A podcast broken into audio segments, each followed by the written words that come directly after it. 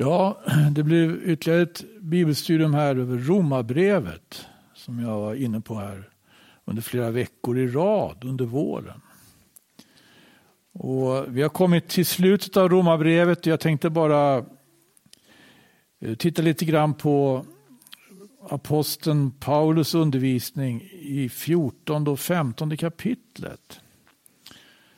Det är ju efter att han har gjort denna oerhörda genomgång och särskilt eh, givit en undervisning om korset och innebörden av Jesu Kristi död och uppståndelse.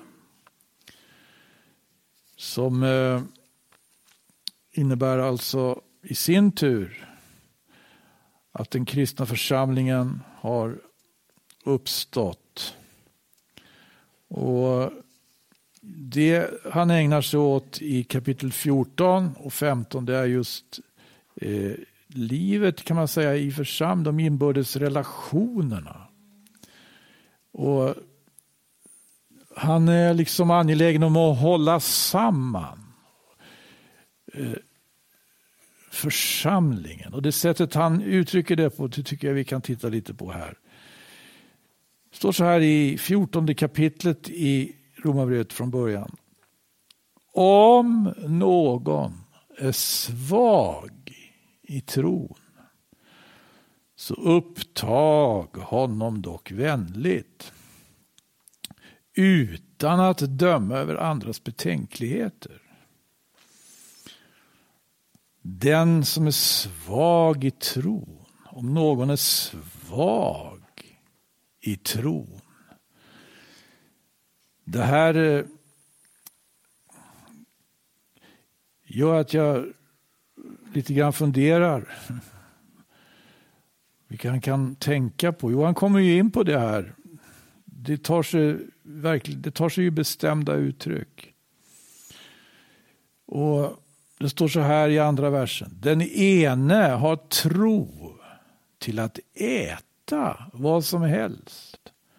Under det att den som är svag bara äter och som växer på jorden. Den som äter ska inte förakta den som icke äter. Inte heller må den som äter döma den, den som icke äter döma den som äter. Ty Gud har upptagit honom. Åh, nu ser jag, här är han ute efter någonting. I relationerna mellan de kristna så finns det alltså risk för att somliga dömer andra. Och liksom det finns en risk för att eh, vissa föraktar somliga. Det här är naturligtvis eh, väldigt allvarligt att inte får på något vis utrymme. Och det, det kan man ju förstå. Att han, men att det skulle vara frågan om att vara svag i tron eller stark i tron. Eh, jag vet inte. Eh, det är nästan, ibland så kanske vi undervisar om tron på ett sånt sätt så att man har en känsla av att det finns inte utrymme för något annat än en stark tro. Men han, han tar upp det här med att vara svag i tron. Vara svag. Vad betyder det att vara svag i tron? Jesus tillrättavisar eh, sina lärjungar därför de kunde inte driva ut onda andar. Men det var inte för att de var svaga i tron, det var, därför, det var, det var för deras otros skull. Va? Det här läser vi om i, i Matteus evangeliets 17 kapitel. Det var ju någon som kom där med en person. 17. Matteus Jesus får driva ut de onda andarna. Och så står det i, tion, i 19 versen här. Sedan när det var alena trädde lärjungarna fram till Jesus och frågade varför kunde inte vi driva ut honom? Han svarade dem, för er otros skull. Ty sannerligen säger jag er, om ni har tro, vore den vore den blott så som ett senapskorn, så ska ni kunna säga till detta berg, flytta dig härifrån dit bort. Och det ska flytta sig, inte ska då vara omöjligt för er. Om ni har tro. Aposteln inleder i Romarbrevets 14 kapitel genom att omfamna de svaga i tro. Men han omfattar, omfamnar även de starka. Han vill liksom hålla samman eh, den här församlingen som har uppstått på det underbara sättet att eh, Jesus, Guds son, har kommit. Och det är alltså inte... Ja, jag läser vidare här då. Vi kom till vers 3. Va? Den som äter må icke förakta den som icke äter. Ej heller må den som icke äter döma den som äter, ty Gud har upptagit honom. Och vem är du som dömer en annans tjänare? Om han står eller faller, det kommer allenast hans egen herre vid. Men han ska väl bli stående, ty Herren är mäktig att hålla honom stående. Det handlar inte om den som det handlar inte om otro här, för Gud vill inte hålla otron stående. Det handlar om att någon är svag i tron. Svag. Den ene gör skillnad mellan dag och dag. Den andra håller alla dagar för lika. Var och en var det fullt viss i sitt sinne. Att vara svag i tron, det kan alltså ta det uttrycket att man är lite bekymrad för vad man äter. Liksom det kan ta det uttrycket att man är eh, ängslig för vilken dag det är. Vilken dag. Vissa dagar betyder mer än andra dagar.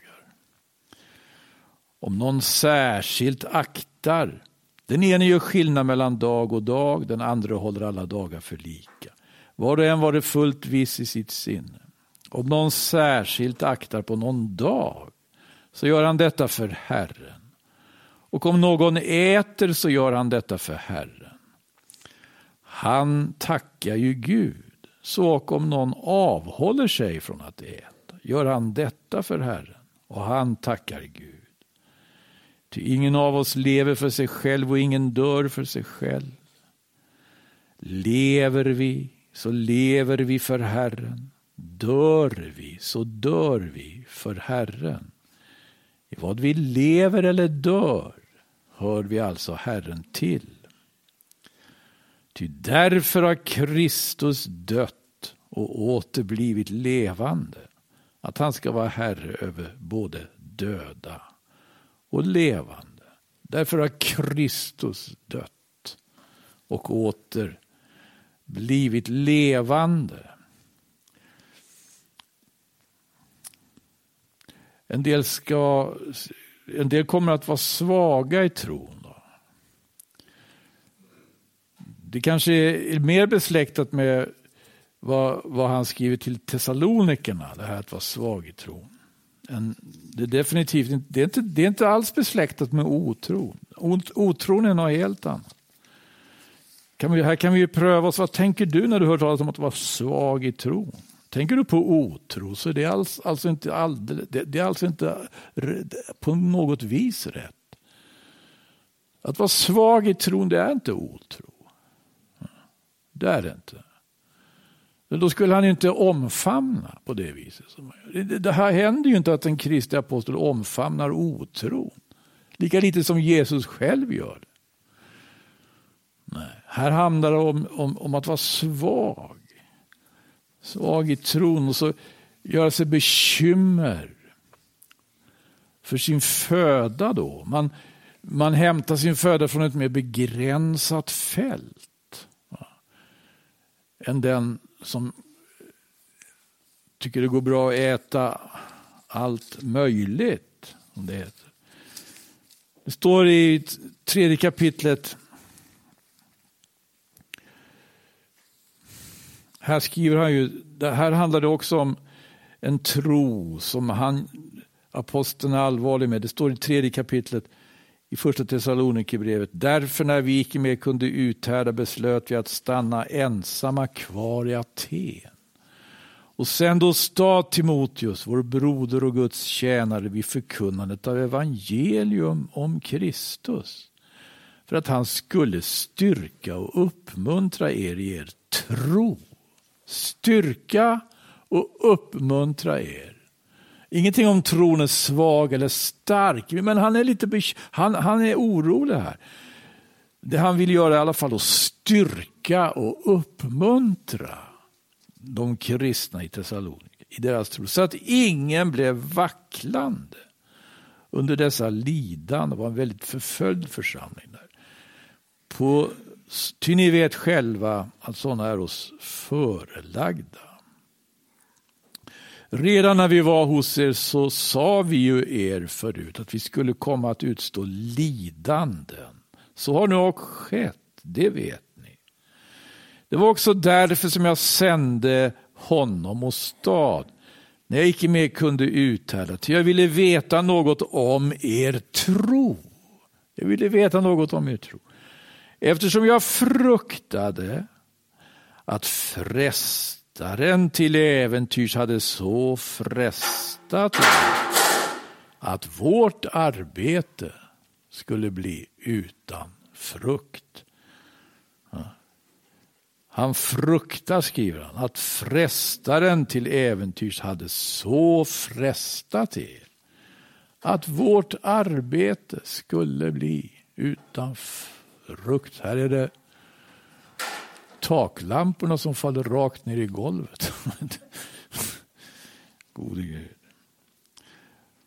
Men nu, då Timoteus har kommit till oss och från er och förkunnat för oss det glada budskapet om er tro och kärlek och sagt oss att ni alltjämt tar oss i god hågkomst och att ni längtar efter att se oss liksom vi längtar efter er. Det glada budskapet om er tro och, och kär. Det, det här blev evangelium. Att de hade tro. Att, de hade, att församlingen hade tro. Och hade kärlek. Den här församlingen i Thessalonika, här har vi församlingen i Rom. Han vill hålla samman den församlingen. Och därför säger han på, på sin vakt mot vad som kan, liksom, som kan vilja slå in en kil i brödragemenskapen. Om någon är svag i tron, upptag honom dock vänligt utan att dras in i resonemang. Här eh, är faktiskt någonting som tydligen den kristna församlingen har särskilda förutsättningar att hantera. Förhållandet mellan det som är svagt och det som är starkt. Det är annars rätt lätt kanske att det som är svagt och det som är starkt inbördes utesluter varandra. Det ska inte göra det i den kristna församlingen. I världsbygget, står det i Bibeln, profetiskt, att det som världsbygget. Och det finns ju eh, profetiska och ska säga, uppenbarelser av vad världsbygget på sikt kommer att handla om. Det kommer, det kommer inte att kunna eh, klara av det här, att hålla samman starkt och svagt. Det här får vi lära oss när vi läser Daniels syn. Daniels Eh, Eh, tolkning rättare sagt av konung Nebukadnessars syn. Därför konung Nebukadnessar, han får, ju, han får ju se den här berömda kolossen på lerfötter. När vi säger kolossen på lerfötter så vanligtvis kanske vi inte tänker på Daniel.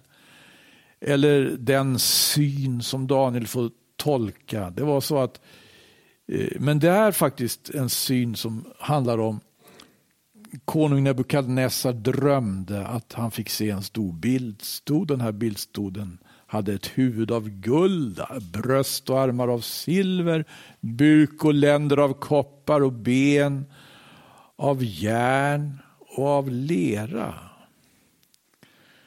Och den här synen får Daniel tyda för honom i, i Danielsbokens andra kapitel. Vi kan se hur han tyder den. Då. Han, han får tyda guldet och silvret och kopparen. Guldet säger han till konungen, det är du, o konung.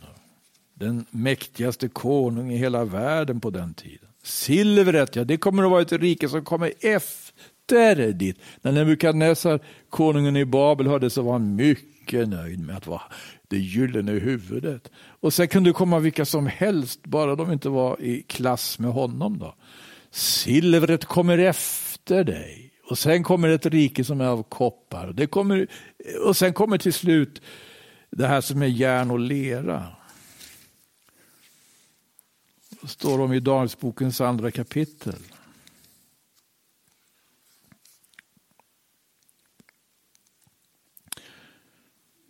Från vers 41. Men att du såg fötterna och tårna vara delvis av krukmakarlera och delvis av järn.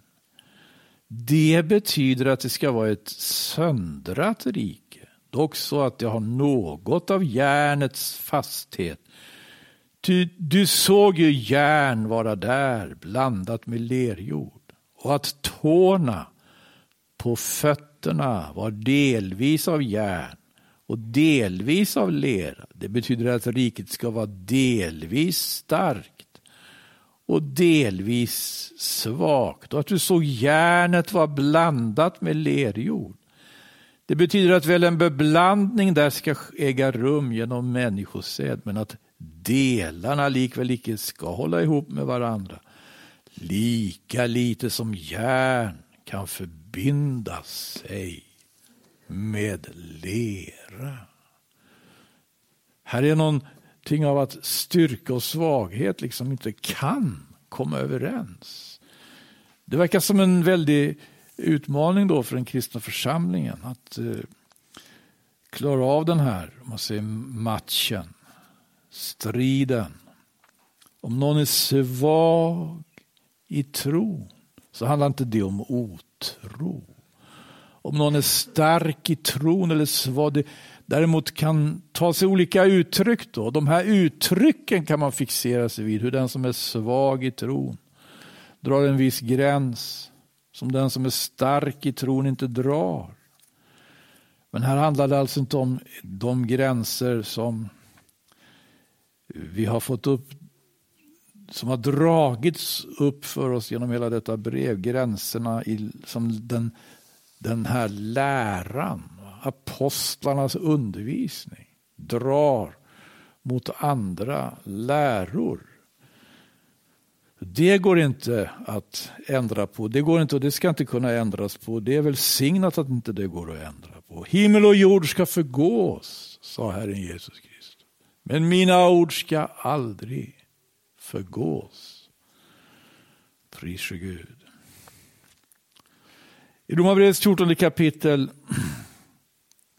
så har vi någonting av en huvudsak. I det som står här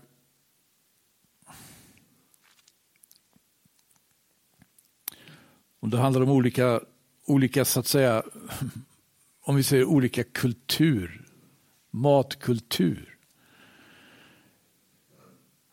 Vers 15. Om nu genom din mat bekymmer vållas din broder så vandrar du icke mer i kärleken. Bliv icke genom din mat till fördärv för den som Kristus har lidit döden för. Det här kommer han fram till. Jag ska faktiskt inte låta bli att följa resonemanget hela vägen. Vi, vi tar fasta, vi tar, tar upp det där vi avslutade sist. Då nionde versen. Därför har Kristus dött och återblivit levande, att han ska vara Herre över både döda och levande. Men du, varför dömer du din broder och du åter? Varför föraktar du din broder? Vi ska ju alla en gång stå inför Guds domstol. Ty det är skrivet. Så sant jag lever, säger Herren, för mig skall alla knän böja sig och alla tungor ska prisa Gud, alltså ska var och en av oss inför Gud göra räkenskap för sig själv. Det här får man inte glömma. När man nalkas en gudstjänst, när man nalkas den kristna församlingen, när man nalkas evangelium.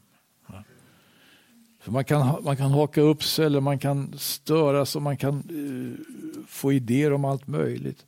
Men alltså ska var och en av oss inför Gud göra räkenskap för sig själv. Låt oss därför icke mer döma varandra. Döm hellre så att ingen må för sin broder lägga en stötesten eller något som blir honom till fall. Det skulle alltså kunna vara så här att den som är stark i tron eh, lätt kanske fångas av ett visst förakt för den som är svag i tron. Men i församlingen så, Eh, så, så att säga, det handlar inte om självförverkligande. Man kan säga jag är stark i tro, jag behöver inte bry mig om det där. Ja. Men det finns alltså någonting här. Han fortsätter. Jag vet väl och är i Herren Jesus viss om att inte i sig självt är orent. Allenast om någon håller något för orent, så är det för honom orent. Och så kommer vi till. Om nu genom din mat bekymmer vållas din broder, så vandrar du icke med i kärleken. Bliv icke genom din mat till fördärv för den som Kristus har lidit döden för. Låt alltså icke det goda som ni har fått, fått bli utsatt för smädelse. Ty Guds rike består icke i mat och dryck, utan i rättfärdighet och frid och glädje i den helige Ande. Här är skillnad. Guds rike består icke i mat och dryck. Men det kan finnas former omkring det här med mat och dryck. Då. Om nu genom din mat bekymmer vållas din broder så vandrar du icke mer i Är man beredd för, för, för Kristi skull att lägga på sig de här begränsningarna? Att inte göra onödiga utspel även om man har en viss frihet och man har en enorm frihet som kristen. Så om det är någonting som eh, den som är svag i tro, det här är ju den som är svag i tro. Vill vi, höra, vi, vi, vi kanske har hört så mycket på att, det här att man ska vara stark i tron, stark i tron, så vi vill inte höra om den som är svag i tro. Men aposteln nämner om den som är svag i tro. Aposteln omfamnar den som är svag i tro. Han omfamnar den som är stark i tron också. Och så söker han komma till rätta med, om det skulle vara så. Alltså att på grund av det här, att saker och ting tar sig olika uttryck som inte, def, som inte handlar om något absolut nödvändigt läromoment. Ja, då borde den som är stark förstå att lägga band på sig. Och inte spela ut någonting som kan bli... Därför att det här, det här är en mycket allvarlig fråga. Just icke för sin broder lägga en stötesten. Är det något som blir honom till fall? Jesus berättar en liknelse om att det här är förfärligt eh, eh, ska vi säga ödesdigert. När man, när man blir andra till fall. Bli andra till fall. Det är ju liknelsen om, ska vi titta på den liknelsen? Det är i Matteus evangeliets trettonde kapitel.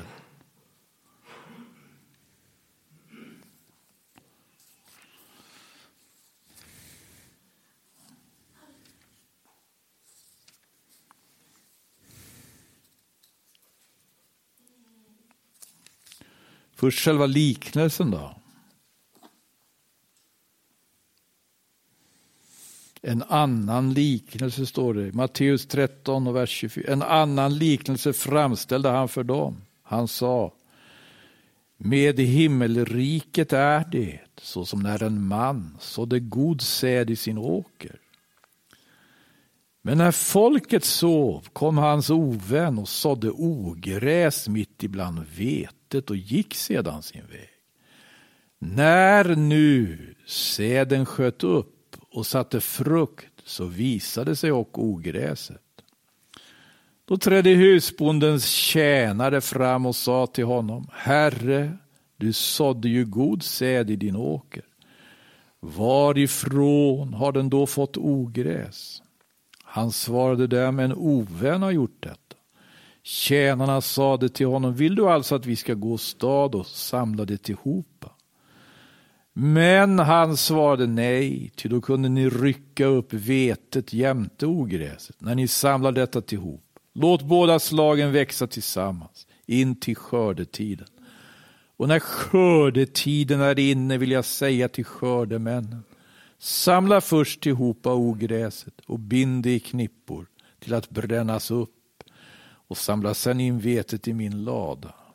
Och när han ger uttydningen lite senare här av den här liknelsen, därför lärjungarna ber honom göra det, då svarar han och säger så här, det är vers 37. Den som sår den goda säden är människosonen. Åkern är världen. Den goda säden, det är rikets barn. Men ogräset är ondskans barn. Ovännen som sådde det är djävulen. Skördetiden är tidens ände. Skördemännen är änglar. Så som nu ogräset samlas tillhopa och bränns upp i eld så ska det också ske vid tidens ände. Människosonen ska då sända ut sina änglar och de ska samla tillhop och föra bort ur hans rike alla dem som är andra till fall. Mm. Och de som gör vad orätt är. Det står alltså han ska samla tillhopa och föra bort ur hans rike alla de som har fallit. Nej, det står inte det. Det står så här, de som är andra till fall. De som är andra till fall och de som gör vad orätt är. Och ska kasta dem i den brinnande ugnen. Där ska vara gråt och tandagnisslan. Pris för Gud, då ska det rättfärdiga lysa så som solen i sin faders rike. Den som har öron, han hör. Jag vet inte om jag riktigt förmår omfatta det här, men det här är ju faktiskt vad som man får med här i Romarbrevets 14 kapitel. Ingen må för sin broder lägga en stötesten eller något som blir honom till fall. Men framför allt, Guds rike består icke i mat och dryck utan i rättfärdighet och frid och glädje i den heliga Ande. Den som här i tjänar Kristus, han är välbehaglig för Gud och håller provet inför människor. Vi vill alltså fara efter det som länder till frid och till inbördes uppbyggelse. Bryt icke för mats skull ner Guds verk. Finns det några kulturella uttryck, någonting som innebär att någon tar anstöt, då måste man alltså vara vaksam där. Det handlar inte om det fundamentala och läromässiga på det viset. Det handlar däremot om eh, att eh, icke för för mats skull bryta ner Guds verk. Väl är allting rent, men om ätandet för någon är en stötesten så blir det för den människan till ondo. Du gör väl i att avhålla dig från att äta kött och dricka vin och från annat som för din broder blir en stötesten. Han, nämner, han tar två exempel på det här, och som kan vara störande för den som är svag i tro. Han talar om föda, han talar om dryck, kött, vin, han talar om, om, om kalendern. Och det är klart, nu lever vi i speciella tider. Man kan kanske pröva de här tankarna också inför, på andra områden. Huvudsaken är Guds rike består icke i mat och dryck utan i rättfärdighet och frid och glädje i den heliga Ande. Guds rike. Jag vet inte om det är så lätt att ta till sig det här. Är det? Ja. Därför gör jag, ja kanske, inte minst för min egen del, den här genomgången. Hur viktigt är det för oss att församlingen håller samman? Hur viktigt är det för oss att vi håller vakt mot vad som kan komma att innebära att det slås in i kil. Det finns någonting som världen inte kommer att klara av, säger det profetiska ordet. Svaghet och styrka kommer på något vis. Och konkurrera ut varandra eller eh, utesluta varandra.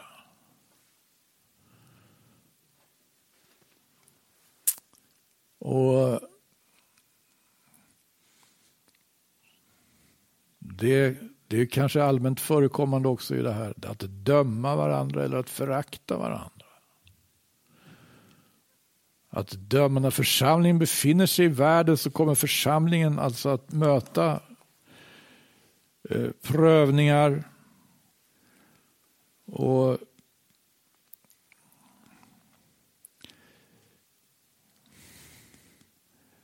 Men det ska finnas särskilda förutsättningar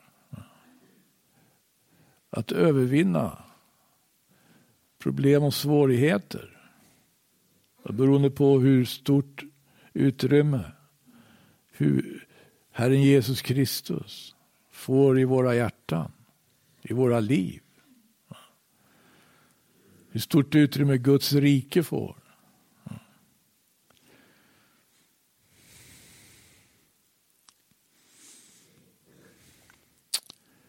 Du gör väl i att avhålla dig från att äta kött och dricka vin. Kan man tänka sig att lägga band på sig? Det, det, det, det, det är ganska avlägset, är det inte? Men från vilket slags tänkande? Ingen ska sätta sig på mig. Nej, det ska ingen göra. Men det kanske, det, det, det, det kanske finns alltså anledning att pröva sig inför, inför det här. Måste jag nödvändigtvis demonstrera min frihet som jag tycker jag... Eh, om det... Måste jag nödvändigtvis spela ut. Ja.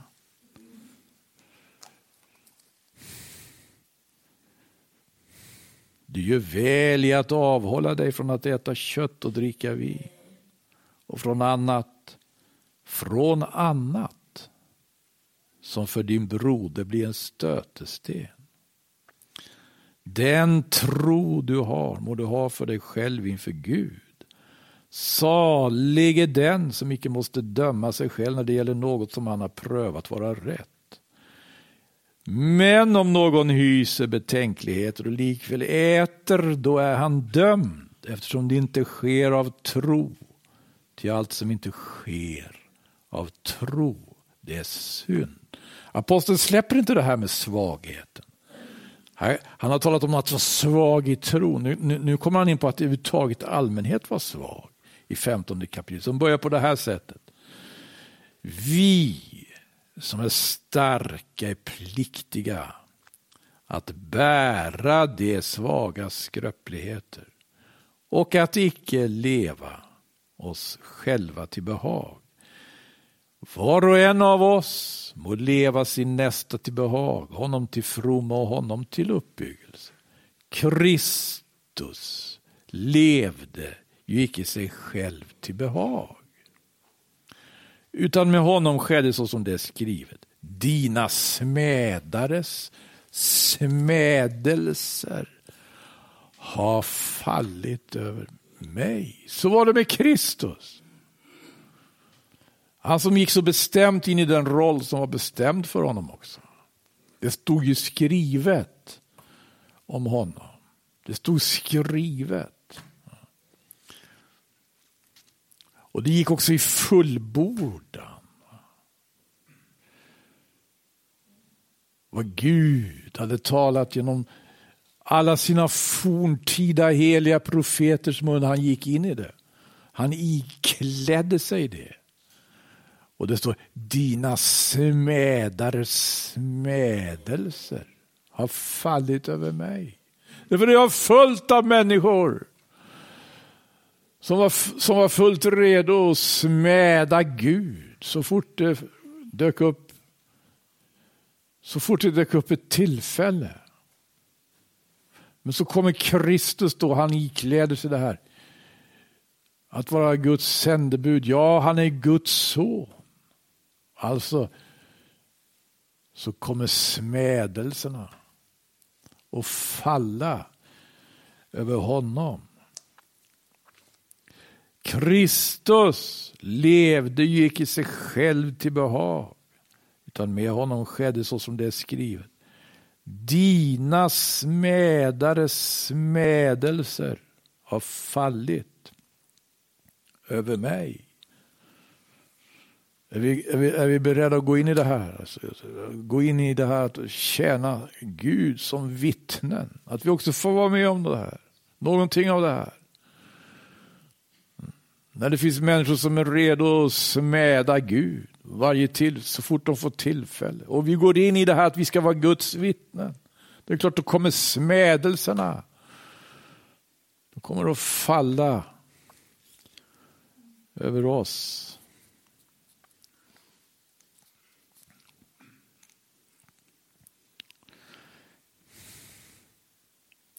Dina smädares smädelser har fallit över mig. Allt vad som fordom har blivit skrivet, det är skrivet oss till undervisning. För att vi genom ståndaktighet och genom den tröst som skrifterna giva ska bevara vårt hopp. Och ståndaktighetens och tröstens Gud give er att vara ens till sinnes med varandra i Kristi Jesu efterföljelse. Så att ni endräktigt och med en mun prisar vår Herres Jesu Kristi Gud och Fader.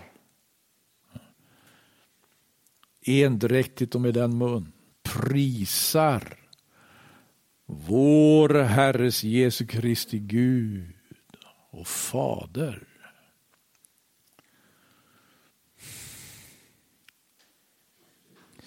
Gode Gud.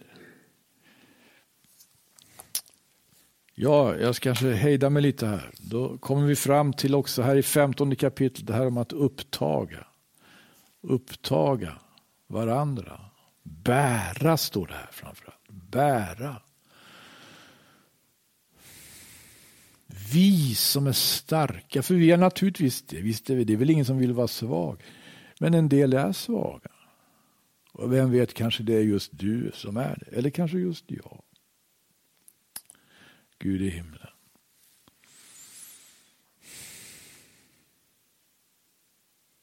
Ska vi tala med Herren? Tala med Herren. Led i bön innan vi tar med ett ytterligare moment här. Broder Lennart, vill du tacka Gud med oss?